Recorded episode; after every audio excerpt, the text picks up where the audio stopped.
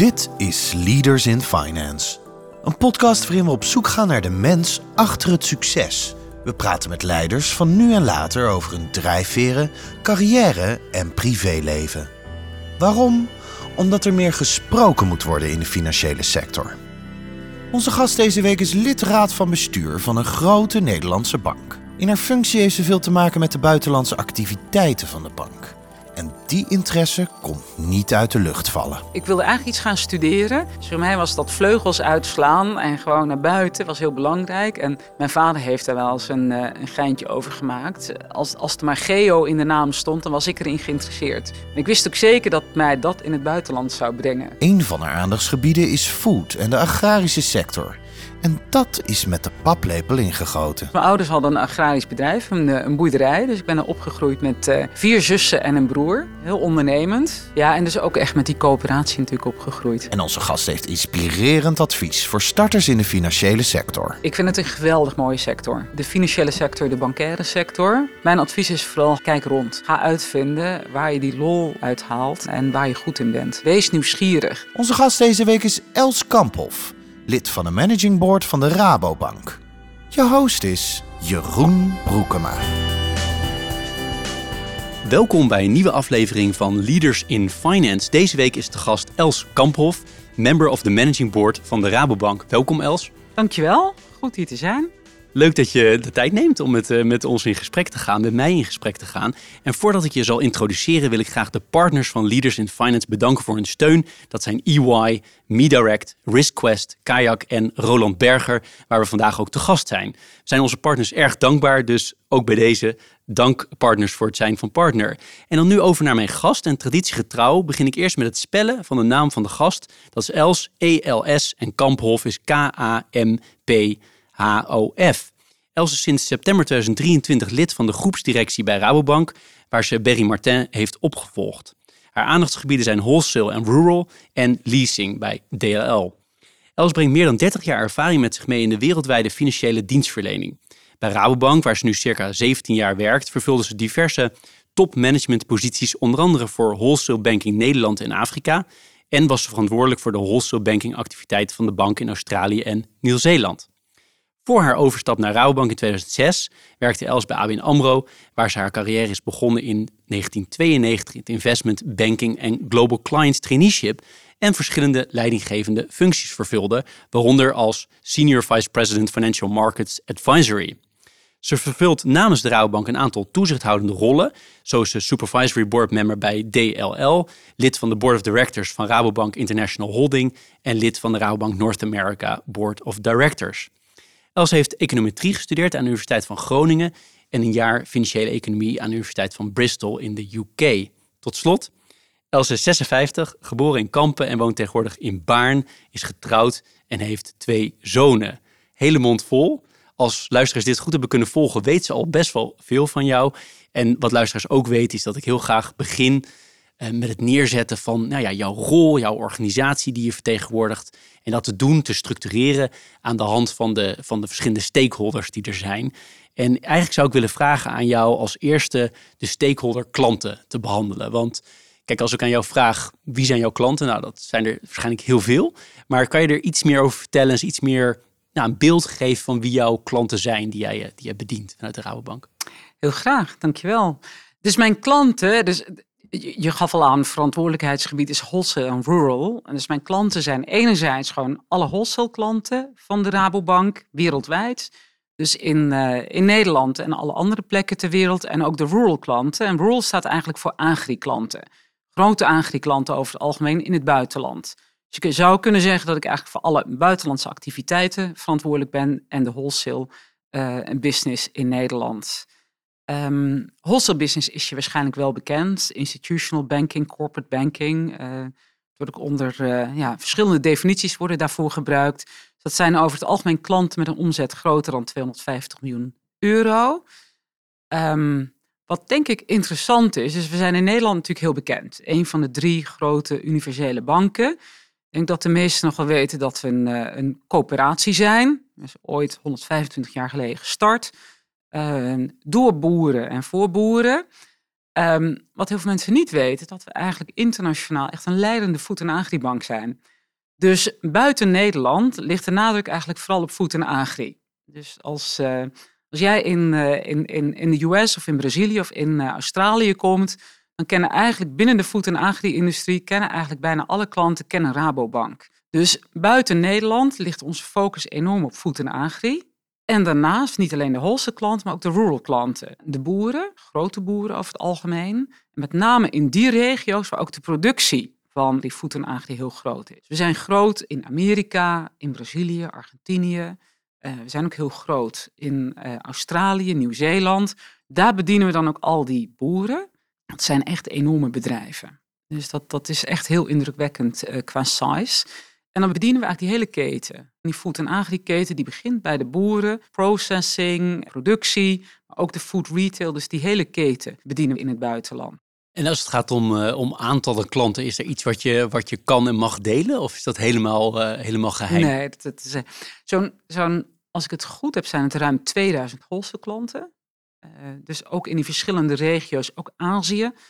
Azië, Noord-Amerika, Zuid-Amerika, Europa natuurlijk en Nederland. Australië nog. Australië, ja. Nieuw-Zeeland. Ja. Dus 2000 wholesale klanten, ruim 2000 en zo'n ruim 15.000 rural klanten.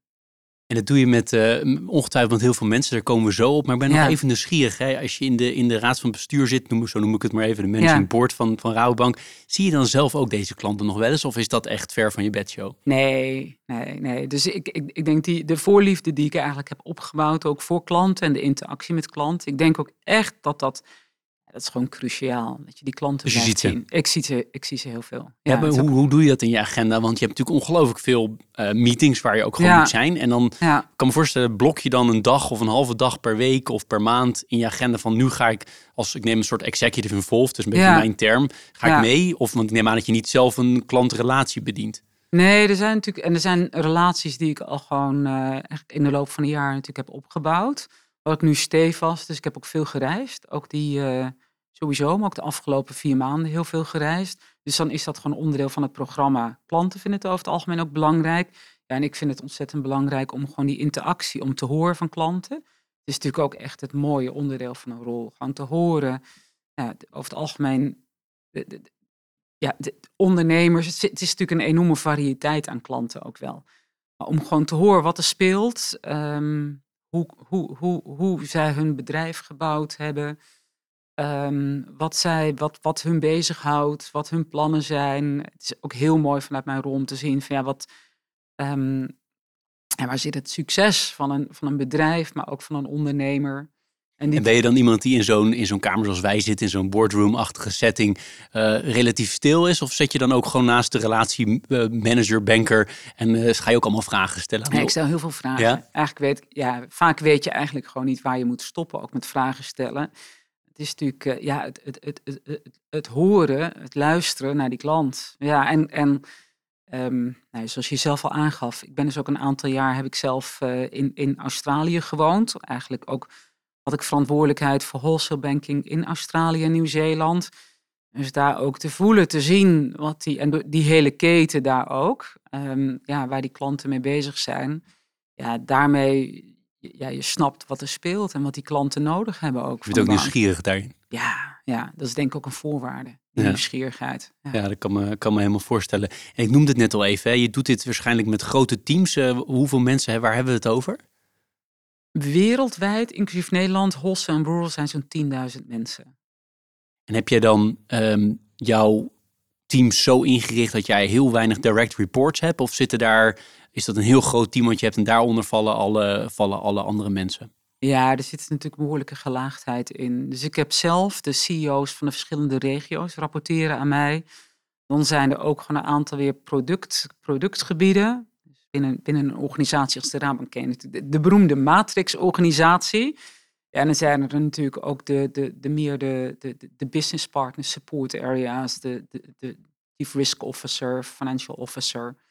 Ehm, en daar zitten natuurlijk, daar vallen weer eh, grote teams onder ook. En je bent relatief recent in deze positie eh, eh, gekomen. Dat betekende wel, omdat je al uit deze hoek kwam, dat heel veel mensen jou al kennen en Ja. jij hen kende, neem ik aan. Ja. Dat maakt het wel makkelijker starten, of niet? Ja, dus, dus het, ik, ik, ken het, ik ken het aandachtsgebied. Tegelijkertijd is het ook weer heel bijzonder, hè? dat je gewoon, je bent onderdeel van een team en dan stap je eigenlijk uit het team.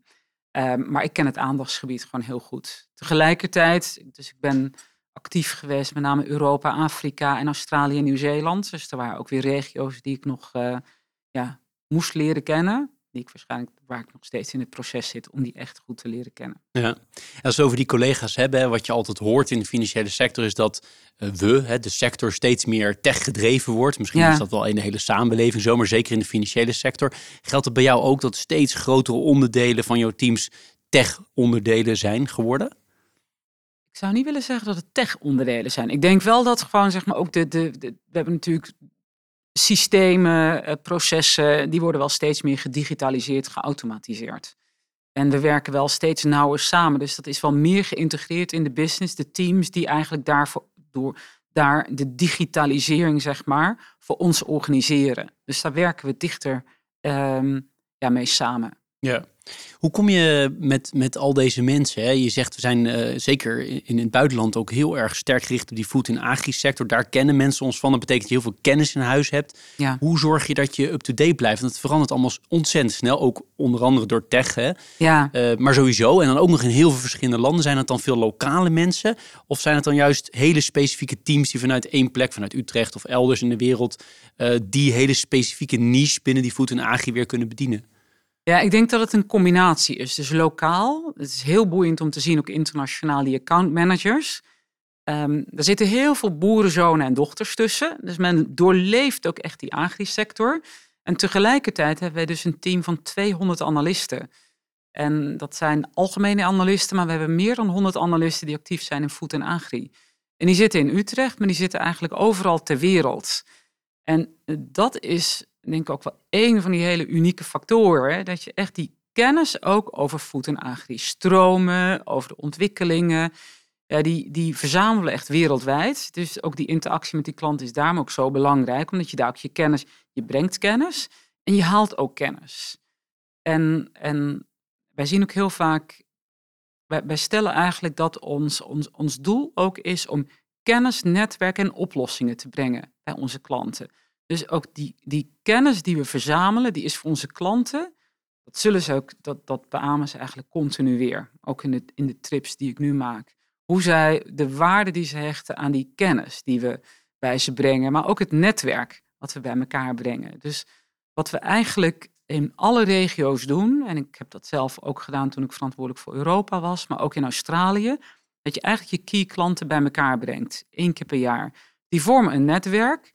Waar wij dan ook weer onze kennis brengen, maar natuurlijk ook weer luisteren naar onze klanten. Dat, dat, dat, dat, kennis en netwerk is echt de basis voor wat we eigenlijk uh, ja, voor wat we doen in voet en agri. En het maakt ook weer dat je eigenlijk die, die, die oplossingen ook, die wij die kun je ook weer aanpassen aan ja, de, de kennis die we hebben. Ja, ik kan me voorstellen dat het allerbelangrijkste is. Want eh, A, het is je, de, de manier waarop je goed kan communiceren met je klant. En B, het is de manier om goed risico te kunnen inschatten. Wat je natuurlijk altijd als bank voor alles nodig hebt. Uh, dus daarom dat ik ook me ook, vandaar ook die vraag. Hè, van wat doe je allemaal om up-to-date te blijven? Want het gaat razendsnel natuurlijk in die wereld. Lezen, heel veel lezen. Ja, want precies wat je zegt, die risico-inschatting. Dat maakt gewoon, het, wij kunnen dus door die cycli eigenlijk ook in voet en agri ja, daar, kijken we doorheen. Dus dat maakt je ook relatief loyaal. We herkennen echt of het goed gaat of niet goed gaat. En het is ook iets wat je in de loop van de jaren opbouwt. Dus ik heb ook zelf die voet- en agri-kennis en daarbij blijven. Um, ja, ja, het is veel lezen. En het is ook gewoon persoonlijke belangstelling. Ik denk wel dat het, dat het doorleefd wordt. En het wordt natuurlijk steeds leuker. Hè? Als je gewoon al de sector en de industrie vrij goed kent, dan ja, dat versterkt zich. Geen vraag over, die, eh, over de, de, de stakeholder collega's. Hoe uh, centraal of decentraal is de Rabobank nou eigenlijk als je dat een beetje op een schaal zet van heel decentraal naar heel centraal? Want dat vind ik altijd interessant bij, bij de Rabobank. Uh, aan de ene kant, iedereen roept altijd coöperatie, deed je ook al vrij snel in dit gesprek. aan de andere kant hoor je ook wel verhalen van dat het toch vanuit de, de Kroeselaan, zeg maar vanuit Utrecht wel duidelijke top-down dingen aangestuurd worden. Dus waar, waar zitten we hier? Ja, je moet die balans zien te vinden. Ik denk dat het behoorlijk decentraal is, toch? Maar en, en juist ook daar wel centraal goed ja, oversight over houden en ook wel consistency. Dus ik denk dat ehm, dus simplificatie, wat je nu eigenlijk ziet, is, ik vind het behoorlijk decentraal. Dus ook, er is behoorlijk wat ruimte, ook in de verschillende regio's, om toch dingen zelf in te richten. En tegelijkertijd, ja, als je een bepaalde consistentie hebt in je organisatie, dat helpt je ook. Dat maakt het ook simpeler. Ehm, dus ik vind ons behoorlijk decentraal. En, Zo heb je het ook ervaren toen je zelf in Australië ja, zat? ja, Ja. ja, Dat je ja. relatief veel kon beslissen zelf. Ja, ja. Maar ook wel weer een goede, een goede. Ja, dus die balans die moet je iedere keer zien te vinden. Want je moet ook weer die expertise gebruiken die in, die in Utrecht is. En ook in de rest van de wereld. Maar sowieso in Australië en Nieuw-Zeeland, je bent zo ver weg. En, en het tijdsverschil is zo, zo, is, is zo groot. Ja, je moet daar ook wel een bepaalde ruimte krijgen. Ja. ja. Stakeholder ehm, toezicht. Ben je daar veel mee bezig? Zit jij veel bij de, bij de toezichthouder? Ben je daar veel bij betrokken? Of wordt dat vo- voornamelijk vanuit andere onderdelen binnen de bank georganiseerd? Ja, een hele belangrijke stakeholder. En ik heb zelf ook dat gesprek. En nu nog, dat had ik al, ehm, maar dat heb ik nu nog ja, in- intensiever.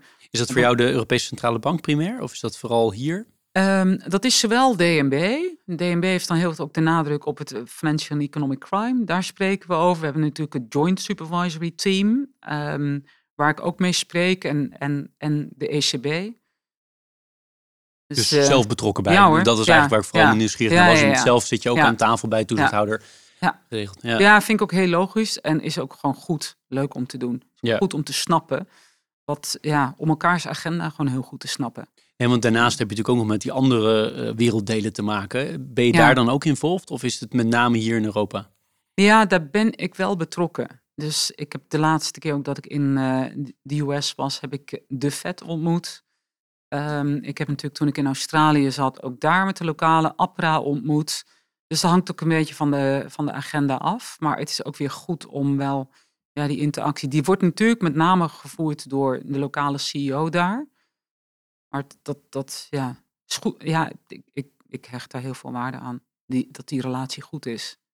Stakeholder samenleving is natuurlijk een hele brede samenleving. Ja. En misschien kunnen we inzoomen op het feit dat jullie natuurlijk een, eh, een, een echte, nou, wat je zelf al zei, een kennispartij zijn, een grote speler zijn in Ja. de en agri-wereld. Betekent ook, daar vindt de hele wereld ook wat van natuurlijk. Ja. Altijd al, want het is Ja, cruciaal voor ons als mensen om te kunnen eten en drinken. Ehm, maar hoe, hoe, hoe, kijk je naar die rol, die stakeholder samenleving? Ja. ja, dat is een hele belangrijke voor ons. Bijna zeggen, we hebben dus natuurlijk we hebben geen aandeelhouders. En eigenlijk is de, ja, de maatschappij onze belangrijkste stakeholder. Dat zie je natuurlijk ook weer, dat is geformaliseerd eigenlijk via de, de, de Algemene Ledenraad. Dus dat i- zijn, is dan weer een representatie eigenlijk van, eh, van de lokale banken in, eh, in Nederland. Dus die samenleving, ja, die is denk ik als, als, als coöperatie nog belangrijker. Dus ook daar, daar, daar. Maar die samenleving vindt heel veel van deze Ja. sector waar jij dan eindverantwoordelijk voor bent. Ja, Dus hoe, hoe lijkt me heel erg lastig om. Aan de ene kant wil je Ja. er een rol in spelen, maar je wil weer niet te politiek worden. Dus hoe, hoe vind je daar de balans? ja, ja. Ja, dat ben ik. Dat, dat is ook. Dus, dus dat, dat hebben we natuurlijk ook eh, gezien. Of dat zien we gewoon in alle discussies rondom de belangrijkste stikstofdossiers. Waar je ergens ook onze, ons erfgoed is de agrarische sector. En tegelijkertijd, ja, dat, daar ontstaat dan een spanningsveld eigenlijk met, eh, met de politiek. En daar, ja, daar, hebben wij een, daar, daar hebben wij een rol in te spelen. Ook, ook, ook om die partijen bij elkaar te brengen. Ehm, dus dat is niet altijd makkelijk. Best complex. Maar dat lijkt ja, me heel te- lastig. Ja. Ja. Vooral Ja. ook omdat je, ja, je bent eh, zeker in jouw geval, maar dat geldt ook veel van jouw collega's ook. Je bent primair als bankier opgeleid en opgegroeid. En dit is eh, nu, ja, in deze rol zit je toch heel Ja. dicht tegen, ja, wat vind je ervan, hè? Ja. Als meer als, als mens Ja. in de samenleving. Maar dat, ja, dat is een hele belangrijke rol dus ook als bankier. Dus dat, dat, dat- dus ik, en dat geldt denk ik, ja, dat geldt voor iedere bankier. Ehm, dat voel ik wellicht nog sterker, maar dat zie ik, en dat zie ik in Nederland, zie ik ook in het buitenland. En het is ook weer het, het, het samenwerken met de maatschappij. We hebben natuurlijk ook weer te maken met allerlei met nieuwe wet- en regelgeving. En daar ergens ook het gesprek over hebben. Een representant zijn dan ook weer. Dus van je, van je, van je klanten, om dat gesprek te hebben. Maar ja, het is een, een hele belangrijke En stakeholder. in deze rol meer dan ooit. Ik kan me voorstellen dat in de vorige Ja. rol je er nog iets minder mee te maken had in directe zin. Nu zit je er natuurlijk vol in. Ja, ja. Investeer je ook in de relaties met, eh, laten we zeggen, Den Haag en Brussel bijvoorbeeld? Ehm, dat, ja, dus ik zit vier maanden in deze rol. Maar dat is heel duidelijk gewoon wel, ja, dat, dat, dat ga ik doen. Dat hoort erbij. de- dat hoort er echt bij. Ja. Ja. Lijkt je het Ja. leuk? Ja. ja, ik denk dat je heel veel invloed kunt hebben. Dus het met name ook richting Brussel. Het gewoon het representeren eigenlijk van die, vooral de agrarische sector. Ehm, we zijn natuurlijk ook, we zijn in meerdere sectoren actief. Ja, ik vind het, dat, dat is, op die manier kun je impact hebben. Lijkt me Ja. namelijk ook, maar is een beetje suggestief, lijkt me ook best wel spannend. Want je, het wordt toch wel op een eh, goudschaaltje gewogen wat de Ja. Rabobank vindt over stikstof, wat de Rabobank vindt over het uitkopen van boeren, enzovoort, enzovoort. Ik kan alle onderwerpen ken beter dan ik. Ja, het, mooie, kijk, het is wel meer spannend geweest tot nu toe in mijn loopbaan. dus ik, vind, ik kijk daar ook gewoon wel naar uit. Je Ja, houdt wel van als het spannend wordt. ja nou ja, goed. Is, ja, impact maken. Ja, je moet niet bang zijn. Nee, dat is, Dus, eh, eh, dat is duidelijk. Ja. Dit is Leaders in Finance met Jeroen Broekema. Je bent, eh, als we even helemaal teruggaan eh, in, de, in de tijd, eh, niet helemaal terug, dat doen we Ja. daarna nog eventjes, maar eerst eens een forse sprong naar achteren maken. Ja. Je bent ooit begonnen bij ABN AMRO. Ja. Eh, waarom ben je in het bankwezen gestart? Ja, dat is natuurlijk al een beslissing die ik 30 jaar geleden heb genomen. Dus dat is ergens ook, denk ik, als student. Het is ook een beetje een intuïtieve beslissing. Ik heb natuurlijk econometrie gestudeerd, dus er zit een voorliefde voor, voor, voor cijfers natuurlijk, zat er al bij mij. Ik denk wel, iedereen heeft natuurlijk te maken hè, met een bank. En dus dat die, die maatschappelijke rol ook die een, eh, een bank vervult. eh, dat is wel wat mij getrokken heeft. Wat ik wel heel boeiend vind als ik eigenlijk terugkijk. Dus ik was ik ben econometrist, dus je wordt wel een beetje vanuit de content kom je er eigenlijk. Ik ben ook als een analist begonnen. Het aardige is eigenlijk dat ik door de loop van een jaar heen, waar ik, waar ik nu de meeste lol uit haal, is eigenlijk gewoon is, is, is die interactie met klanten, impact maken, maar ook ja, eigenlijk verandering leiden met mensen. Dus dat is eigenlijk heel mooi als ik zo gewoon terugkijk. Maar het is toch, ja, het is ook wel het, het technische geweest, de maatschappelijke rol en ook heel duidelijk, dat herinner ik me nog, dat traineeship. ABN AMRO was natuurlijk enorm eh, internationaal op dat moment. Een traineeship waar je leert, waar je eigenlijk ook weer met leeftijdsgenoten... ja, eigenlijk zo'n zo'n zo'n loopbaan begint. Heb je nog iets anders overwogen op dat moment? Toen je, want je studeerde in Groningen, volgens mij, als ik het Ja. goed zeg. Ja, Eh, dan op een bepaald moment denk je, nou, ik ga werken. Ja. Neem aan dat het zo gaat. Ben, je nog, ben je nog dingen gaan, eh, gaan vergelijken? Of was er een vriend of vriendin of een ander iemand die zei van... hé, hey, je moet bij de ABN AMRO beginnen? Of, eh, ik probeer het even heel concreet te Nou ja, maken. hoe het een beetje gelopen is dat ik ooit stage heb gelopen bij ABN AMRO. En dan krijg je eigenlijk al, dan krijg je echt die optie om, om daar ook te solliciteren. Of je, Was dat na je studie? Of dat was tijdens mijn Tijdens? Dus ik heb heel weinig overwogen. Heb, Wat voor soort stage liep je? Ehm, destijds bij het economisch bureau. Dus het begon.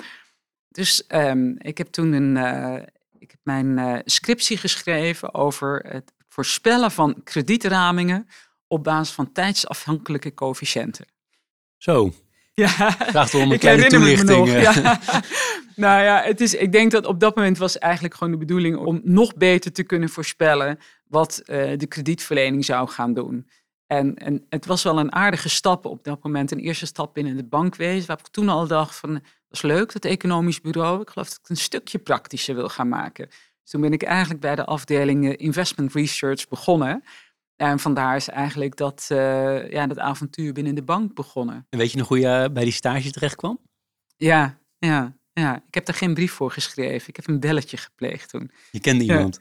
Nee, nee. Ja, dat is een heel leuk verhaal hoor. Maar ik ben verward op dat moment met iemand die een brief geschreven heeft. Dus uiteindelijk, ik dacht, dat gaat wel heel makkelijk bij die ABN AMRO. Dus ik heb eh, heel weinig sollicitatiebrieven geschreven in mijn hele loopbaan.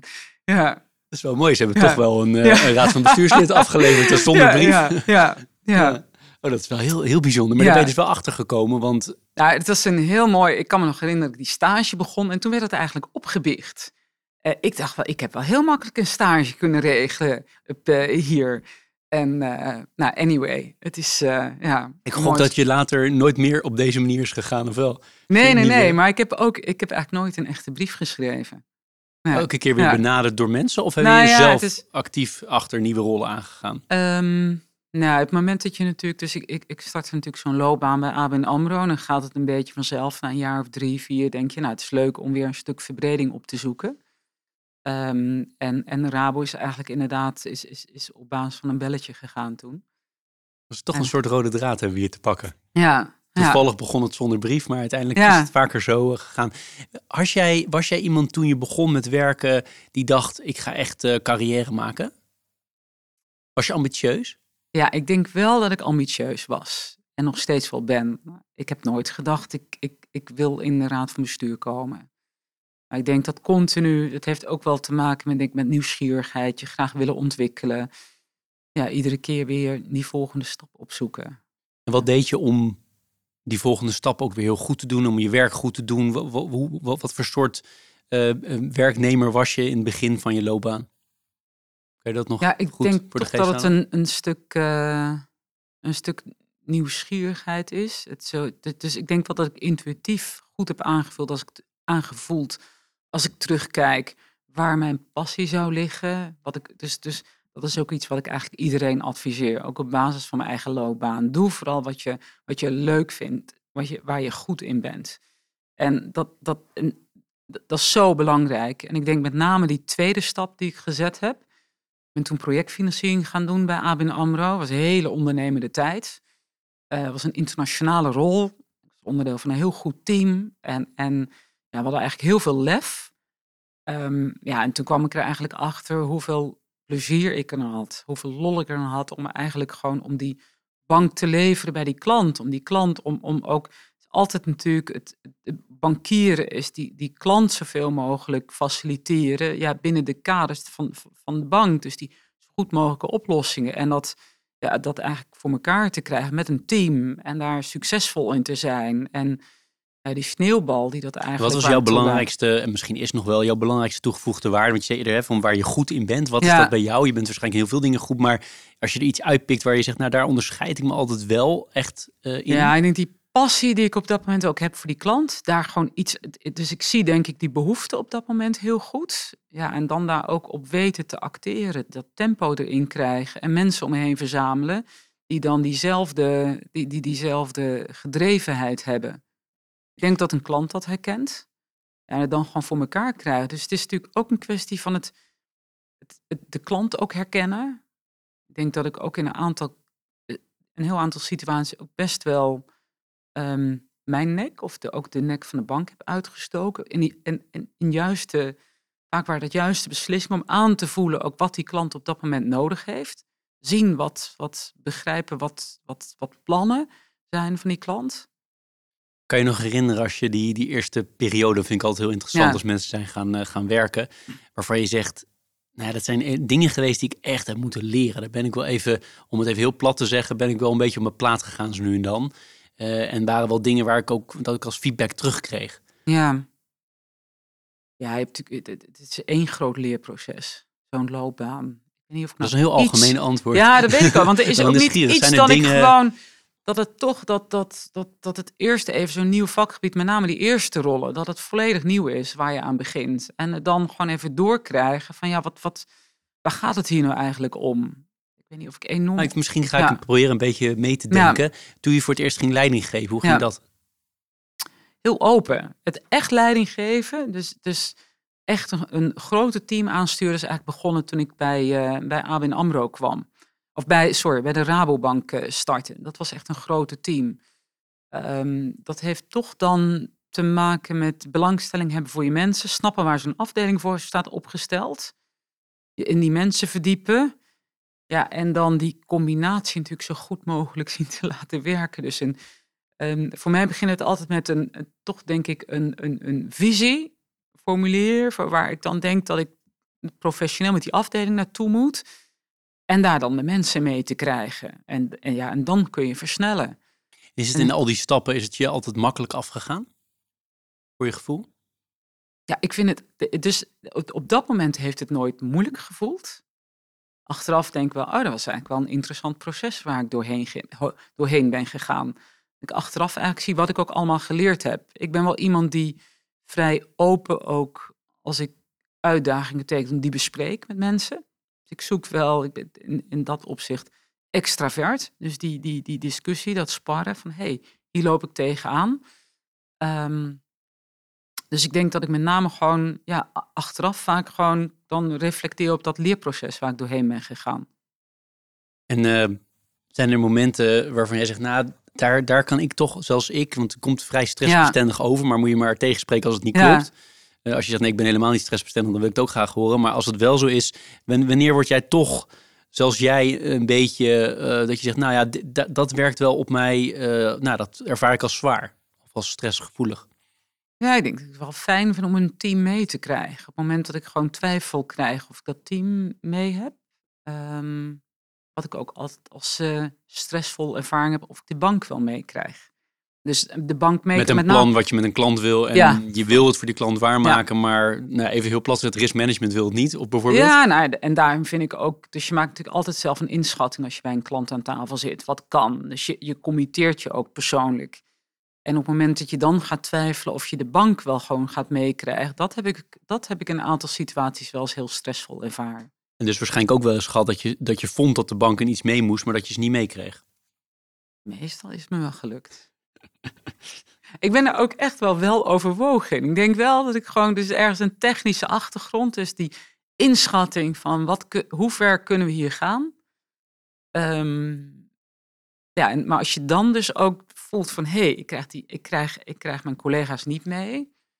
Ja, dan is dat Dat, kan bij jou stressvol. Ja. ja. Ben je Ja. goed in nee zeggen? Ja, ja. Ja, tenzij ik twijfel. Dus dat is dus als ik, dus als ik, als ik ergens gewoon heel, da ik kan daar heel direct in zijn. Ja, dus als Ja. een eh, klant waarvan, nou ja, als je een soort bijzonder beheerrol moet spelen. Ik weet niet of je ooit bij Financial Restructuring een bijzonder beheertak hebt gewerkt. Daar, dat zou je makkelijk richting een klant Makkelijk. kunnen zeggen. Ja, maar, maar we- vaak is het ook, ja, dat kan ik. Maar ook, ook als ik het gewoon goed begrijp en dan ook gewoon heel duidelijk, dit, dit is een nee. Gewoon niet realistisch. Ja. Heeft je veel geholpen in je loopbaan dat je econometrist bent, dat je makkelijk cijfers kan, eh, kan lezen, dat je goed eh, snel dingen, nou ja, zeg maar rationeel ook doorhebt? Ik denk het wel. Het is eigenlijk wel iets wat je. ehm, wat, moeilijk is om dat achteraf bezien eigenlijk te zeggen. Ik denk wel dat ik hoofd- en bijzaken heel goed uit elkaar weet te halen. Dus dat analytische. De meeste van mijn studiegenoten zijn natuurlijk eigenlijk in een veel meer in een tweede lijnsrol terechtgekomen. Dus dat vind ik zelf dan ook wel fascinerend als ik weer terugkijk. Ik denk, hé, hey, ik ben eigenlijk al heel snel in die, eh, in die commerciële rol terechtgekomen. Maar dat komt dus simpelweg omdat je dat, daar heel veel energie van Ja. krijgt, toch? Op basis Ja. van dit gesprek Ja. durf ik dat al te stellen. Ja, Ja. ja, Ja. ja. Waarom econometrie destijds? Ja, vind ik ook wel een boeiende achteraf. Ik denk wel, ik was natuurlijk goed in wiskunde. Volgens mij is iedere econometrist, eh, eh, daar zal dat waarschijnlijk het geval voor zijn. Dus toch eigenlijk het, dat, dat, dat willen benutten van goed zijn in wiskunde. En dat dan toch op de een of andere manier toegepast willen doen. En dan nog één stapje praktischer. Je, Ja. je, je zit op middelbare school en er moet een keuze gemaakt worden Ja. voor een studie. Hoe ging dat? Ja, hoe ging dat? Het was eigenlijk wel boeiend. Ehm, ik, ik wilde eigenlijk iets gaan studeren. Dus voor mij was dat vleugels uitslaan en gewoon naar buiten was heel belangrijk. En mijn vader heeft daar wel eens een, eh, een geintje over gemaakt. Als, als er maar geo in de naam stond, dan was ik erin geïnteresseerd. Dus ik wilde eigenlijk geodesie gaan studeren aan de Technische Universiteit in Delft. Natuurlijk ook relatief technisch, ik weet ook, die had fysische geografie en geologie. En ik wist ook zeker dat mij dat in het buitenland zou brengen. En ik weet wel dat ik eigenlijk last minute heb ik toen besloten dat het econometrie eh, zou gaan worden. Omdat ik Groningen toch wel, leek me toch wel wat leuker dan Delft op dat moment. Het werd gewoon gedreven door de plaats, maar dat is ook geo, Ja. toch? Ja, Dus werd ja. geografie dreef jou ergens naartoe. Maar heb je, groeide je op in kamp of ben je daar alleen geboren? Ehm, nee, ik ben ook opgegroeid. Ja, Dus Groningen was relatief in, eh, relatief in de Ja. regio nog. ja, ja, ja. Het is al meer dan 100 kilometer hoor. Maar toch? Het is Uit eigenlijk... de Randstad, ja. Ja, ja. Nee, maar bedoel, Ja. cultuur-wise is, is denk ik de Randstad anders dan Groningen. Ja, dat denk ik ook. Want je wilde heel duidelijk ook naar het buitenland. Dat zat er al, al diep in dus. Ja, die wereld, ja, dat, dat, dat, die, de wereld ontdekken. Ja, Waar komt dat vandaan? Is dat iets wat je meegekregen hebt in je opvoeding of is dat Els zelf? Ik denk wel een combinatie. Ik denk ook wel die nieuwsgierigheid eh, dat ik dat wel vanuit huis meegekregen heb. Ik heb zelf ook, eh, ik heb ook nog zo'n beeld van toen ik jong was. We hadden natuurlijk eh, hadden nog geen iPad hè, waar we eindeloos op konden surfen. Dus ik had wel, mijn favoriete boek was wel een atlas. Dus avonden gewoon daarin zitten turen waar het, eh, ja, waar het me allemaal naartoe zou brengen. Ken je ook alle hoofdsteden uit je hoofd van de wereld zo'n beetje? Of, Oh eh, ja, ga me niet testen, maar ik denk wel dat ik vrij ver kom. Ja, Mooi. Ja. ja, Leuk. Nou, dat is hebben we gedeelde, gedeelde hobby tussen aanhalingstekens. ja. Ehm, kan je iets delen over, wil je iets delen over hoe je bent opgegroeid daar, daar in Kampen? Dat is geloof ik de stad van de zoveel bruggen en de zoveel kerken, toch? Als ik het me goed Ja. eh, herinner. Ja, ik ben opgegroeid bij Kampen. Dus eigenlijk gewoon in een, eh, in een gemeenschap. Dus mijn ouders hadden een agrarisch bedrijf, een, eh, een boerderij. Dus ik ben er opgegroeid met eh, vier zussen en een broer. Heel ondernemend. Ik denk ook wel, ja, in, zekere mate wel, wel ambitieus. Dus je gebruikt je talenten. Ja, en dat toch ook wel een beetje dat, dat, dat vleugels uitslaan. Ik denk dat mijn ouders altijd wel heel veel, heel nieuwsgierig zijn geweest naar wat er... Je leeft toch op, je, je groeit op in een gemeenschap.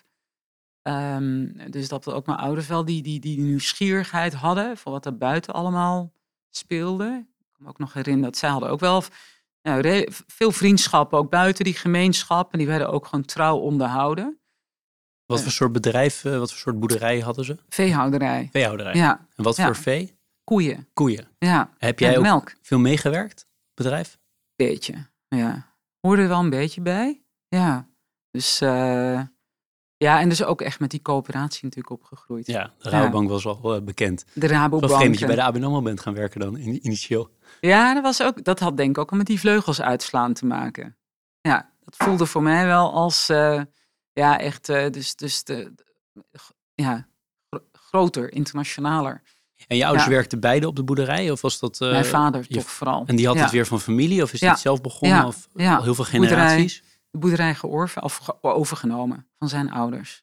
En daarvoor ook, het is een lange, lange Ja. historie. Ja. En bestaat Ja, ook dat is nog ook steeds? eigenlijk, eh, eigenlijk mijn beide ouders. Dus dat, dat, eh, maar de boerderij is niet, nee, dus dat, dat ehm, ja, daar heb ik ongelooflijk veel respect voor. Eigenlijk als ik naar mijn ouders kijk. Dus zij zijn natuurlijk inderdaad, ze zijn allebei opgegroeid. Ehm, in, in, eh, opgegroeid op een boerderij. Ze hebben ons eigenlijk dus zes kinderen enorm vrijgelaten. Eh, dus dat, dat, ik kan me ook nog herinneren, dus ik vertelde zojuist dat ik eh, de TU Delft wilde studeren. Maar mijn ouders waren dan de eerste die met ons meegingen om ook te kijken op die universiteit. Maar hebben ze dat met al mijn, eh, ja, met mijn broer en zusjes gedaan. Hoe dat, hoe dat, ja, hoe dat was. Dus dat, dat, zij vonden dat ook super interessant. Vond het ergens jammer dat ze zelf niet, of misschien hebben ze wel gestudeerd, weet ik niet. Maar Nee, dat hebben ze niet. Ik, ik, ik denk het eigenlijk ja, ergens wel. En tegelijkertijd zijn ze ook eh, ja, zijn blij met, met, met hoe zij. eh, en de boerderij, dat vroeg nog even tussendoor, bestaat die nog? Of? nee, nee, niet nee, meer. Nee, nee, dus eigenlijk eh, niemand van de kinderen heeft uiteindelijk die boerderij overgenomen. En dat hebben ze ook. ik denk dat het, dat, dat, ja, wat ik daar zo knap in heb gevonden, eigenlijk van mijn ouders, is dat ze ons vrijgelaten hebben om de keuze te maken die we zelf wilden, wilden maken. En ons echt wel hebben gestimuleerd om buiten te kijken.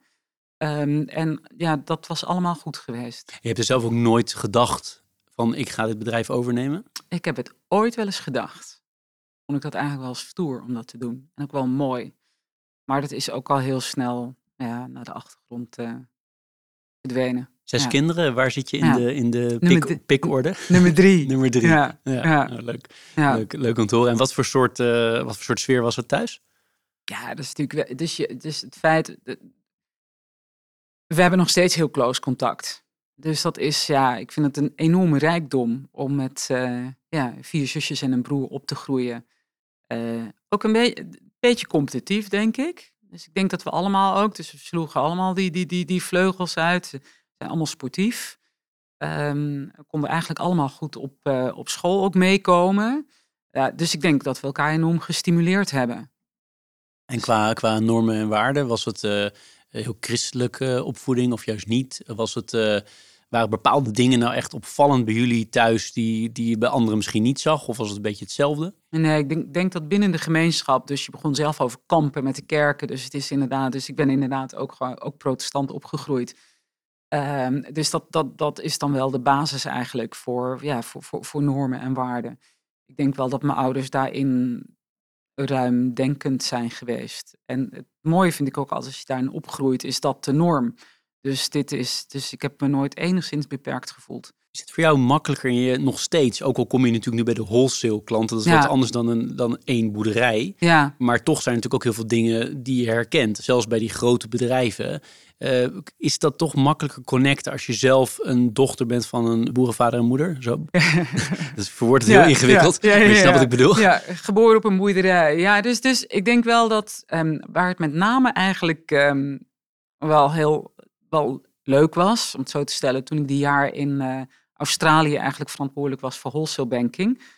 Dus ehm, ik weet niet of jij, je kan je vast die cultuur wel een beetje inschatten, maar binnen, binnen, binnen wholesale en rural, zeg maar het bedrijf waar ik verantwoordelijk voor ben nu, um, wordt over het algemeen toch de, de wholesale bankiers over het algemeen is wat, uh, wordt, wordt is misschien als wat arroganter gezien. Dat is de haute finance, et cetera.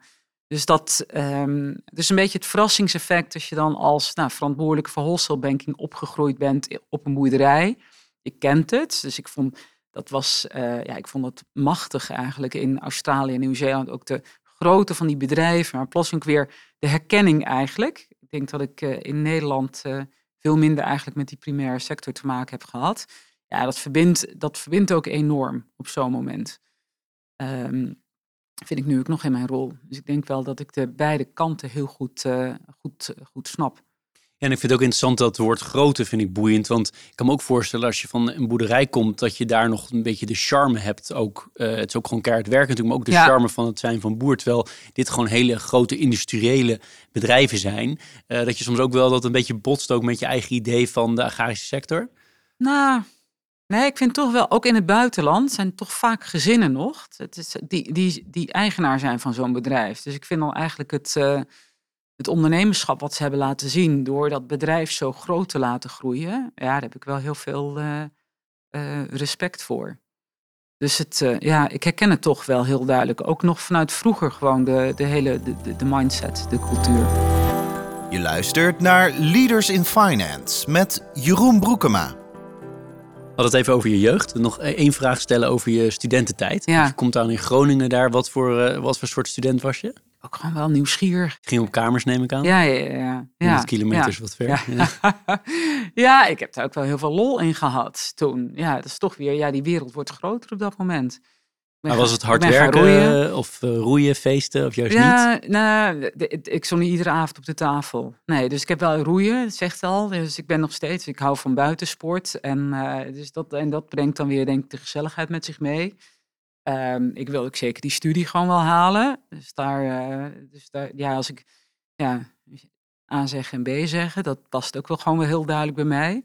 Dus ik heb dat denk ik als een tijd, als een, een tijd gebruikt om weer verder die vleugels uit te slaan en, en naar het buitenland En naar Bristol gaan. dus geweest, ja. wat ik in de inleiding ja. zei. Hoe kwam je daar uh, bij? Ja, dat was dan een uitwisseling. Ja, ja, Hoe vond je dat?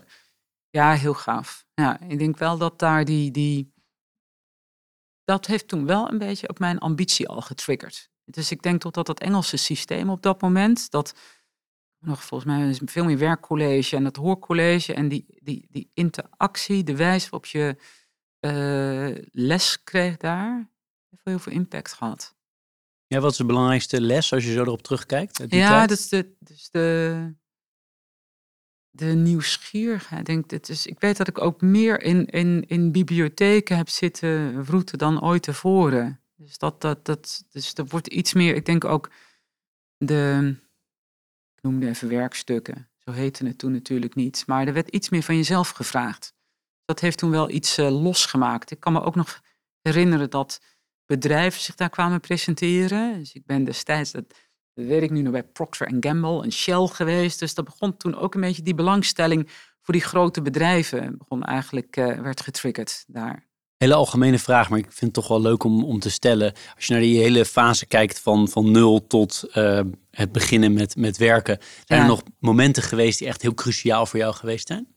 Ik denk echt dat het een beetje een proces is geweest. Ja, met verschillende mensen, met, met, met verschillende ervaringen. Niet een echt een triggermoment geweest. En rolmodellen? Zijn er mensen geweest, ja, met of zonder naam, maar je zegt die zijn echt wel belangrijk geweest in, mijn, in mijn denken? Ik denk toch, daar heb je ook wel bepaalde vrienden tijdens je studententijd die wat losmaken. Ja, en heel duidelijk mijn eigen, mijn eigen familie. Maar zelf denk ik, dus ik heb ook altijd ondernemerschap uh, genoemd. Ik denk als ik terugkijk, dat zelfs mijn, mijn, mijn beide uh, oma's, die vond ik denk ik voor hun tijd, waren ook wel heel ondernemend. Waar zat hem dat in? Ja, toch ook wel gewoon lef hebben. En ons ook wel gewoon stimuleren ook weer. Ja, had je het gevoel ja. dat je als, als vrouw, want je noemt je oma's als vrouw, extra ja. moest bewijzen of zo? Of dat, zat daar nog iets bij jou in? Of? Nee, heb ik eigenlijk nooit gehad. Nooit gehad? Nee. nee. En je hebt ook, heb je ook iets met het onderwerp van uh, vrouwen meer in, uh, in leidinggevende rollen en dat soort dingen? Ja, zeker wel. Ja. Doe je daar veel mee? Ja, ja ik merk ook dat, um, dat werd ook heel duidelijk toen ik eigenlijk benoemd werd in deze huidige rol in het bestuur, hoe belangrijk dat is voor heel veel vrouwen. Dus hoe ik een rolmodel ben. Ehm, dus ik vind dat heel belangrijk. Zeggen En, mensen dat tegen je? ehm, Voel je dat? ja, dat voel ik heel duidelijk. Het werd ook wel gewoon heel duidelijk dat het de reacties van, van het aantal vrouwen, en ik krijg eigenlijk, nou, ik zou bijna zeggen nog, nog dagelijks, eh, hoe gaaf mensen dat vinden.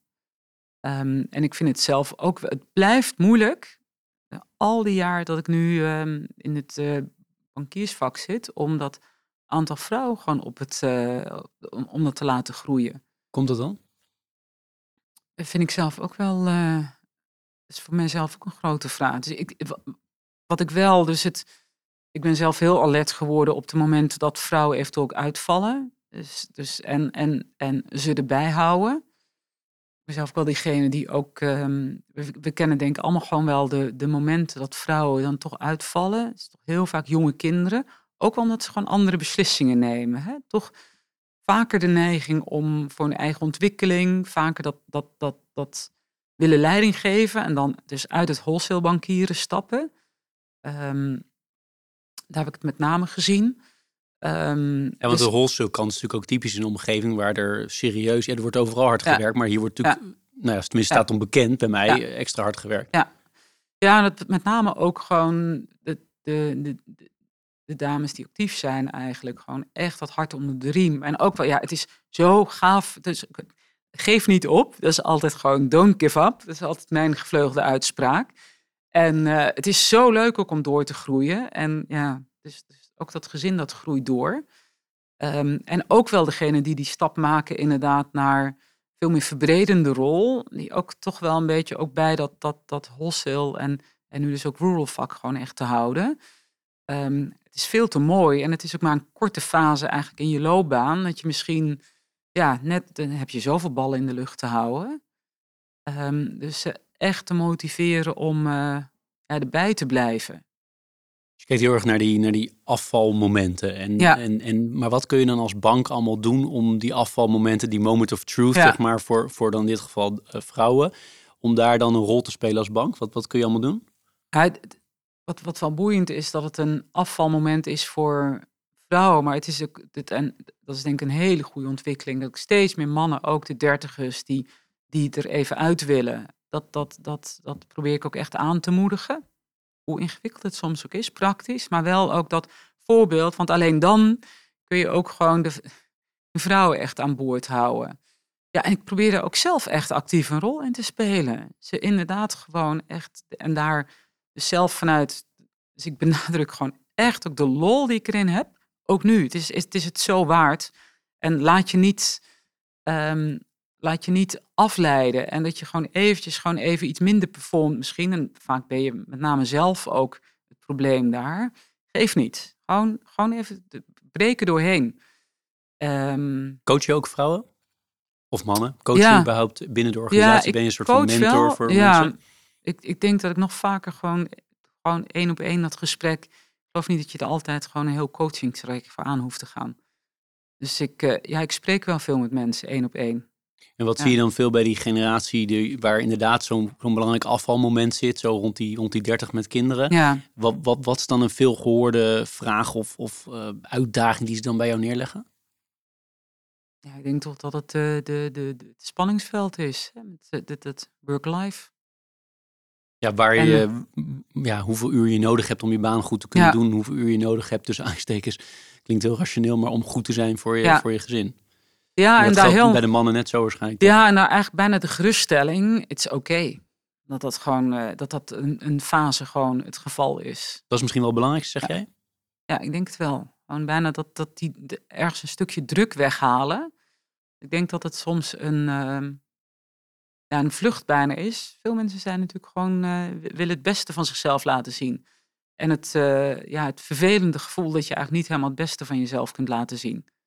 Dat is een rotgevoel Ja, voor iedereen. Ja, Je ja. wil eigenlijk bepalen, je weet dat je staat voor een bepaalde kwaliteit. Als je die Ja. op dat moment niet kan leveren, dat voelt natuurlijk niet, niet fijn. En mensen zien dat natuurlijk ook meteen, zeker als ze die andere kant van jou ook kennen. ja, ja. Ik kan me helemaal, helemaal voorstellen. We hebben bij eh, Leaders in Finance zo 80% eh, van het gesprek hebben we altijd een teaser en een pleaser. Nou, de pleaser is, uh, ik deed mij deugd dat jij al had geluisterd naar Leaders in Finance. Dank daarvoor. Waarbij overigens de vrouwen verreweg de best beluisterde zijn. Dan kunnen we allerlei theorieën op loslaten waarom dat het geval is. Maar laten we het nu even achterwege. Maar we hebben aan de teasende kant, we hebben het al een beetje over het onderwerp gehad. Maar dat blijft voor mij toch onvermijdelijk om het ook bij, bij Rouwbank te hebben over de, de duurzame transitie. Helemaal omdat jij niet nou ja, de, de eindverantwoordelijke bent voor de, voor, de, nou ja, voor de hele food- en agri-sector. En dat is een heel belangrijk onderdeel natuurlijk van die duurzame transitie. En ik, we hebben het volgende opgeschreven. Kijk, hoeveel je ook zegt uh, dat de duurzame transitie omarmd wordt door jullie. Ja. Uh, het zal je altijd als bank blijven achtervolgen dat je de financier bent van de grootschalige agrarische sector. En daarmee een van de belangrijkste drivers bent uh, ja. achter uh, klimaatverandering en het verlies aan, aan biodiversiteit. Ben je het daarmee eens? Nou, dat vind ik veel te hard gesteld natuurlijk. Dat is veel genuanceerder. Um, dus ik ben het er natuurlijk wel gewoon mee eens dat dit, het voedselsysteem is eigenlijk niet, nog niet toekomstbestendig. En daar zien wij ook gewoon een hele belangrijke rol voor onszelf. Daar werken we al heel hard aan en daar blijven we ook gewoon keihard aan werken om dat wel toekomstbestendig te krijgen. En iedereen moet blijven eten, dus de wereldbevolking groeit. Om mee te werken om onze klanten toekomstbestendig te maken, ja, dat zie ik eigenlijk als het belangrijkste doel voor ons, wereldwijd. En dat is best moeilijk. Iedere keer doet het weer pijn, dus, dus echt oprecht. Ik ben heel erg een glas half vol type.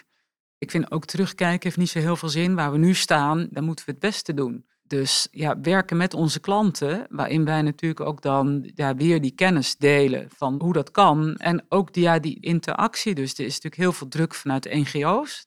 Ook hun, hun rol. We proberen ook dat gesprek en die verbinding gewoon te blijven houden. En met onze uh, belangrijkste klanten ik heb natuurlijk ook die lange achtergrond in wholesale bank met wholesale klanten. Er zijn echt ook frontrunners op dat gebied. Er zijn partijen die heel ver zijn. Ja, en dit is echt iets wat we met elkaar moeten doen. En zijn er dan veel dingen waarvan je zegt, ja, daar zeggen we nu gewoon echt nee tegen? Omdat we dat gewoon niet meer kunnen financieren. Omdat we weten dat er ja, dat uiteindelijk te veel impact gaat hebben op het klimaat bijvoorbeeld. Of ja. Eh, nou ja, jullie hebben eh, interessante headlines gemaakt rondom uh, tropisch regenwoud. Ik ga er niet, verder nu niet in hoor. Maar waar het mij om gaat is van, ga je, moet je vaker nee zeggen tegen dingen? Ja, we hebben heel duidelijk beleid. Als het gaat om de meest, de, de, de meest impactvolle industrieën. Dus behalve, we hebben het heel veel gehad over voet en agri, maar we zijn ook heel actief in, in, in energie, energietransitie. Al heel lang ook gewoon die, die met name die renewable energy kant um, hebben we gefinancierd en doen we nog steeds. Daar zetten jullie heel zwaar op in. Hè? Ik zie uh, geloof dat honderden mensen zijn aangenomen op dat gebied. Ja, maar dat is, daar hebben we ook al een hele lange historie. Hè? De eerste, eerste windmolen stond op het boerenerf die we gefinancierd hebben. En zo zijn er verschillende stappen waar we echt een pionierende rol hebben gespeeld. Dus daar zetten we ook heel duidelijk op in. Echt naast die voet- en agri-focus. We zijn niet actief, nou, sowieso kolen niet. Olie- en gasexploratie doen we ook niet. Hoeven, ja, zijn we niet heel vocaal over, omdat we dat al sowieso niet doen. Dus, maar we hebben heel duidelijk beleid wat we wel en niet uh, doen. Wat ik met name belangrijk vind, dat we met onze klanten naar Parijs gaan. En dat levert soms wel een spanningsveld op. Ja, het heeft geen zin om alle klanten nu uit te zwaaien zolang ze maar met ons naar Parijs willen. En betekent als dat, nou ja, expliciet, dan is het duidelijk, maar semi-expliciet aangeven dat ze dat eigenlijk niet van plan zijn, dan wordt er dus wel meer nee gezegd. Even terug naar die vraag van mij, rondom deze teaser, moeten jullie meer nee zeggen? Ja, Tegen de hele intensieve veehouderij in Kazachstan, Brazilië, in andere landen dan Nederland, waar het vaak nog groter is dan in Nederland? We hebben hele strakke richtlijnen, wat we wel of niet willen. Illegale ontbossing? Nee. Dus moeten we vaker nee zeggen? Ja, we hebben een duidelijk beleid en op basis daarvan zullen we gewoon ook, ook nee zeggen. Kijk, bij voorkeur doen we het dus met onze klanten. Als je toekomstbestendig wil zijn als klant, en dan zul je ook die transitie moeten gaan maken. Dus dat is over het algemeen ook gewoon wel wat we zien. Wat ik met name ook internationaal zie, dat we vaak met de meest eh, vooruitstrevende voet- en agri-klanten zaken doen. Ja, want jullie hebben grote verantwoordelijkheid hierin, hè? als een van de grootste spelers ter wereld op voet- en agri-gebied. Ja, ja, ja, zo voelt Voel je dat ook, zo? Ja. ja. En dat is ook echt wel een complexiteit, omdat je natuurlijk vanuit een Europese context kijkt naar al die verschillende werelddelen. En dus daar, zit, daar is een verschil in tempo. Dus je, aan de ene kant zou je heel graag het, het Europese tempo willen afdwingen. Tegelijkertijd ja, moet je toch vaak kijken naar de, de, de context waarin een land zit. En wil je een frontrunner zijn vanuit die context. Ja, en het kan best zijn dat dat dan daar wel begrepen wordt, maar hier misschien weer niet, omdat we Ja. hier misschien wat Ja. verder zijn. Ehm, wat ik ook nog boeiend vind in, in dit, eh, op dit thema, Ja. is dat zie ik bij alle organisaties, maar zeker ook in de financiële sector waar ik dan vooral kom, is dat het ook wel in de organisatie tot heel veel debat leidt. Want ik kan me voorstellen bij jullie ook, je hebt hele jonge mensen die misschien eh, nou, in hun vrije tijd op de A12 staan of iets dergelijks.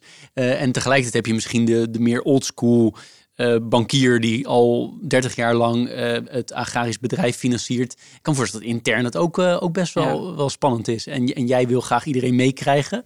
Dat, dat vraagt ook wel wat. Ja, helemaal terecht punt. Ik denk soms ook als er eh, negatieve publiciteit, ik zei altijd, het, doet wat met mij. Soms ehm, intern heeft dat heel veel impact. Dus ook de uitleg, vaak het ook weer vertalen van publiciteit naar mensen intern.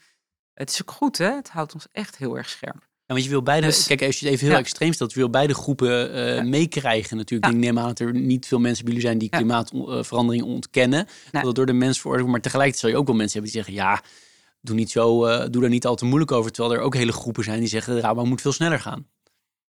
Ja, tegelijkertijd, ik denk de ontkenners, ja, daar zul je er weinig van tegenkomen binnen, binnen, binnen onze organisatie. Want het is toch wel heel duidelijk waar we voor staan. Tegelijkertijd, zeg maar ook als het gaat om het tempo waarin, er zijn er natuurlijk wel verschillen. Ja, Ja. zoveel mensen, zoveel meningen. Dat, is, eh, Ja. dat is eh, denk ik gewoon een afspiegeling van de samenleving, of deels. Ehm, aan de pleasende kant, altijd dezelfde vraag. Eh, lees je graag? Heb je een bepaald boek wat je, of boeken? Ja, We hebben mensen die hier twaalf boeken eh, bespreken of één boek. Eh, maar heb je iets wat je zou willen delen? ja ik, dus, dus ik lees veel. Het begint al eigenlijk gewoon met, eh, met kranten. Dus ik lees gewoon iedere dag eh, de, de, de iPad, dus de eh, Financieel Dagblad, de NRC, Financial Times, in het weekend de Economist. Dus ja, ik ben ook heel erg nieuwsgierig wat er gewoon speelt. Hoe, hoe, hoe ontwikkelt de wereld zich, vind ik. Ja, is misschien nu nog wel interessanter dan het ooit... eh, En wat lees je Eh, altijd is- als je weinig tijd hebt? Als je alles moet skippen, wat blijft de FD dan over? Blijft de FT dan over? Of de Economist of NRC? Nee, nee, dan eh, even gewoon, dan kies ik voor de NRC en de FD. Ja, die, die scan ik ochtends gewoon al eventjes. Voor, ook denk ik omdat ik weet dat die door iedereen gelezen worden. Dus daar wil ik even gewoon de, de key headlines, die wil ik, eh, wil ik niet missen. Ehm, dus in termen van boeken, het is wel mooi, want ik, ik blijf boeken bestellen. Hè? Ik lees ze alleen niet allemaal. Dus, eh, dus toevallig, dus deze week kwam er nog weer een bo- boekje binnen, Eat Like the Animals. Dus dat is natuurlijk ook wel mijn voorliefde, is mijn belangstelling voor, voor, voor dus food, food en agri. Eh, dat je eigenlijk, dat, dat, dat eigenlijk dus beesten gewoon intuïtief het juiste eten. En wat we daarvan kunnen leren ook als mensen. Dit boek heb je al gelezen of dat ga Nee, je nee, nog nee, lezen? nee, nee, dat ga ik nog lezen. Nee, dus, dus, en ik heb nog veel meer natuurlijk liggen wat, eh, wat, ik, wat ik nog ga lezen. Dus ik denk, dus ik ben heel erg nieuwsgierig, maar het is, dus er zit ook altijd wel een kleine frustratie dat die stapel gewoon zich blijft, eh, blijft, blijft opbouwen. Het is wel, dus ik heb er natuurlijk over nagedacht, het laatste, zeg maar, ehm, ja, fictie slash non-fictie boek, wa- waar ik echt, zeg maar, eh, waar ik aan, eh, die ik in één adem heb uitgelezen, ehm, was Het Hoge Nest van Roxanne van Iperen. Ehm, en dat is toch ook, ik zei al, fictie slash non-fictie, want ja, het, is, het is toch een waar gebeurd verhaal van die twee zussen, twee Joodse zussen die opgroeien in eh, Amsterdam, die actief raken in het verzet. En uiteindelijk dan, dan moeten onderduiken, dat doen in een, ja, dat hoge nest, dat huis in, ehm, eh, in het Gooi. Dan, dan heel actief doorgaan, ook met dat verzetswerk. Aan de ene kant de teleurstelling dat ze zo op een gegeven moment eigenlijk eh, ja, ver- verlinkt worden. Tegelijkertijd ook wel weer de verrassing aan mijn kant, hoe lang dat wel niet doorgaat. Hoe lang ze door kunnen gaan. Dus er zit een stukje teleurstelling, maar ze hebben daar wel heel lang door kunnen gaan. Ja, die ongelooflijke moed, bijna gewoon moreel voelen dat ze dat moeten doen. Maar ook, wat, wat, en dat maakte mij gewoon, daardoor zat ik zo gekluisterd in het boek, omdat uiteindelijk ze natuurlijk naar, ook, ook naar een concentratiekamp gaan, naar Auschwitz, met de familie Frank. Wow. En gewoon, deze mensen hebben gewoon nog met de familie Frank gewoon die, ja, ook die, die, die tijd doorgemaakt. En het feit dat die zussen het overleven en uiteindelijk ook weer ja, terugkomen en weer verbonden worden met hun, hun, hun gezin, hun familie. En vervolgens ook niet als helden natuurlijk doorleven. Dus dat, dat, dat ja, heel fascinerend. Dus de moed met name, denk ik, dat is, dat is ja, dat kan denk ik iedereen, eh, daar heel veel respect voor hebben, bijna ook een beetje jaloers op zijn. Mooi hoe je beschrijft. Volgens mij Ja. heeft het veel indruk gemaakt. Ja, ja, Ja. in één ruk heet dat. Ja, Ja, Ja. ja. dat kan me, me voorstellen. Prachtig. Ja, ik heb het vaker gehoord, ook hier op de podcast. Moet nu toch zeker een keer eh, gaan lezen. Je noemde al eerder dat je houdt van sport. En specifiek noemde je buitensport. ja. Je hebt dus altijd gesport eh, en, en je sport nog steeds. Kan je Ja. ons daar een beetje in Ja. meenemen? Ja, nou ja, ik noemde het roeien al, maar het is eigenlijk alles wat je aan, weet je, outdoor en ook wel aan duursport. Dus ik ren nog steeds drie keer in de week. Wat, wat Dus, ren je eh, dan? Gewoon een rondje rondom waar je woont? Of, ja, ja, eh, ja, ik ga het bos in. Ik ga per definitie het bos in. Hoe ver loop je En dan? eh, nou, dus, dus ehm, ik probeer 25 kilometer te lopen in een week. Dus Mooi. in een week hoor, in totaal. Ik loop ook veel, gewoon veel wandelen. Dus dat is denk ik wel echt mijn manier om even te... Marathons? Nee, heb ik nooit gedaan. Dus ik heb wel halve marathons, op verschillende plekken. Ik heb eigenlijk altijd gezegd, als ze me een keer ontslaan, ga ik een marathon lopen. Maar het is nooit gebeurd. Dus eh, ja, ja nee, met andere woorden, je moet er gewoon tijd voor hebben. Je Ja, moet je wil wel goed beslaagd ten ijs komen. Ja. Je wilt niet gaan lopen en er Ja. heel veel blessures aan overhouden. Ja, ja. Dat doe je, wel- heb je. Maar je hebt wel dus wedstrijden gedaan ook. eh, nou, niet echt recreatief, maar wel... Nee, gewoon, ja, dus wel. eh, dus ik heb een racefiets ook. Eh, ik heb geskiet in de vakantie. Dus dat, dat, dat, ja, buiten, gewoon even die eh, zinnen verzetten. Dat is Ja. jouw manier om echt even los te komen van alles? Ja. Of denk je tijdens, kom je juist tot heel veel ideeën tijdens het hardlopen en het fietsen? Dingen worden allemaal heel simpel. Vooral met, met, met fietsen moet je een beetje meer opletten nog. Heb ik gemerkt. Met hardlopen dan eh, ja, vallen dingen op zijn plek. Dus, dus het werk gaat wel door je hoofd. Ja, ja, ja. ja. Maar het wordt heel simpel plotseling. Heel, het, dat blijft fascinerend. Ja. Heb je tips voor het managen van je tijd? Want iedereen wil met jou praten natuurlijk eh, de hele dag door. Eh, iedereen trekt aan je, iedereen wil Ja. wat van je. Hoe, hoe manage je dat? Heb je tips voor, voor op welk niveau je dan ook zit? Maar iedereen heeft natuurlijk altijd het gevoel dat hij te weinig tijd heeft. Ja, vind ik denk ik het grootste, de grootste uitdaging nog. Dus het prioriteiten stellen. Dat vind ik eigenlijk nog moeilijk om daar een tip over te Nou, geven. wat doe je zelf, laat ik zo zeggen? Want je hebt daar natuurlijk ook nu 30 jaar ervaring mee, hoe je dat doet. Eh, heb je iets wat eruit springt en zegt, ja, dat is wel echt hoe ik het, eh, hoe ik het aanpak, waardoor ik het wel eh, weet te managen in, in mijn week en wel de prioriteiten blijf doen die ik echt wil, eh, wil doen. Ja, ik laat echt mijn pen vallen op een gegeven moment. Dus ik luister wel heel goed naar ja, mijn eigen ja, lichaam en geest bijna. Als het, eh, als het vuurtje uit is, dan stop ik. Ehm, en dat kan ieder moment s'avonds zijn. Als ik door moet werken, dan zet ik de wekker wel. Ja, en als ik er niet doorheen kom, dus ik denk wel dat ik daar relatief, ja, dat, dat, dat kan ik wel accepteren van mezelf. Toekomst? Eh, wat langere termijn. Kijk, als ik vraag de komende jaren, dan weet ik wel een beetje Ja. welk antwoord ik ga krijgen. Eh, maar als we de iets langere termijn kijken, wat eh, zijn er dingen die je heel graag ook nog zou, zou willen doen? Of het nou zakelijk of privé is? vind ik eigenlijk moeilijk. Dus ik heb eigenlijk die hele loopbaan. Dus ik kijk een aantal jaar gewoon natuurlijk voor, voor- vooruit altijd. En ik ben ongelooflijk nieuwsgierig wat deze baan mij nog gaat brengen.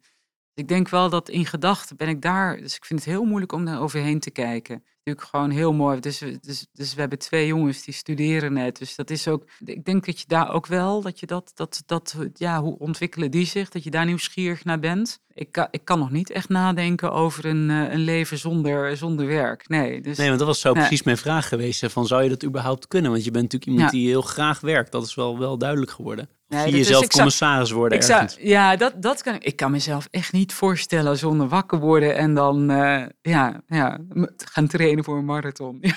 Ja, je zei het net, Nee. als ik ontslagen Ja. word, dan, Ja. eh, ga ik een marathon lopen. We jouw marathon zien lopen, dan is er wat aan de hand. Ja, eh. nee, maar ik denk wel dat dat een agenda hebben. Ik zou dat, eh, vind ik soms ook wel confronterend hoor. Dat ik me daar eigenlijk, dat ik me daar niet zo goed een voorstelling van kan maken.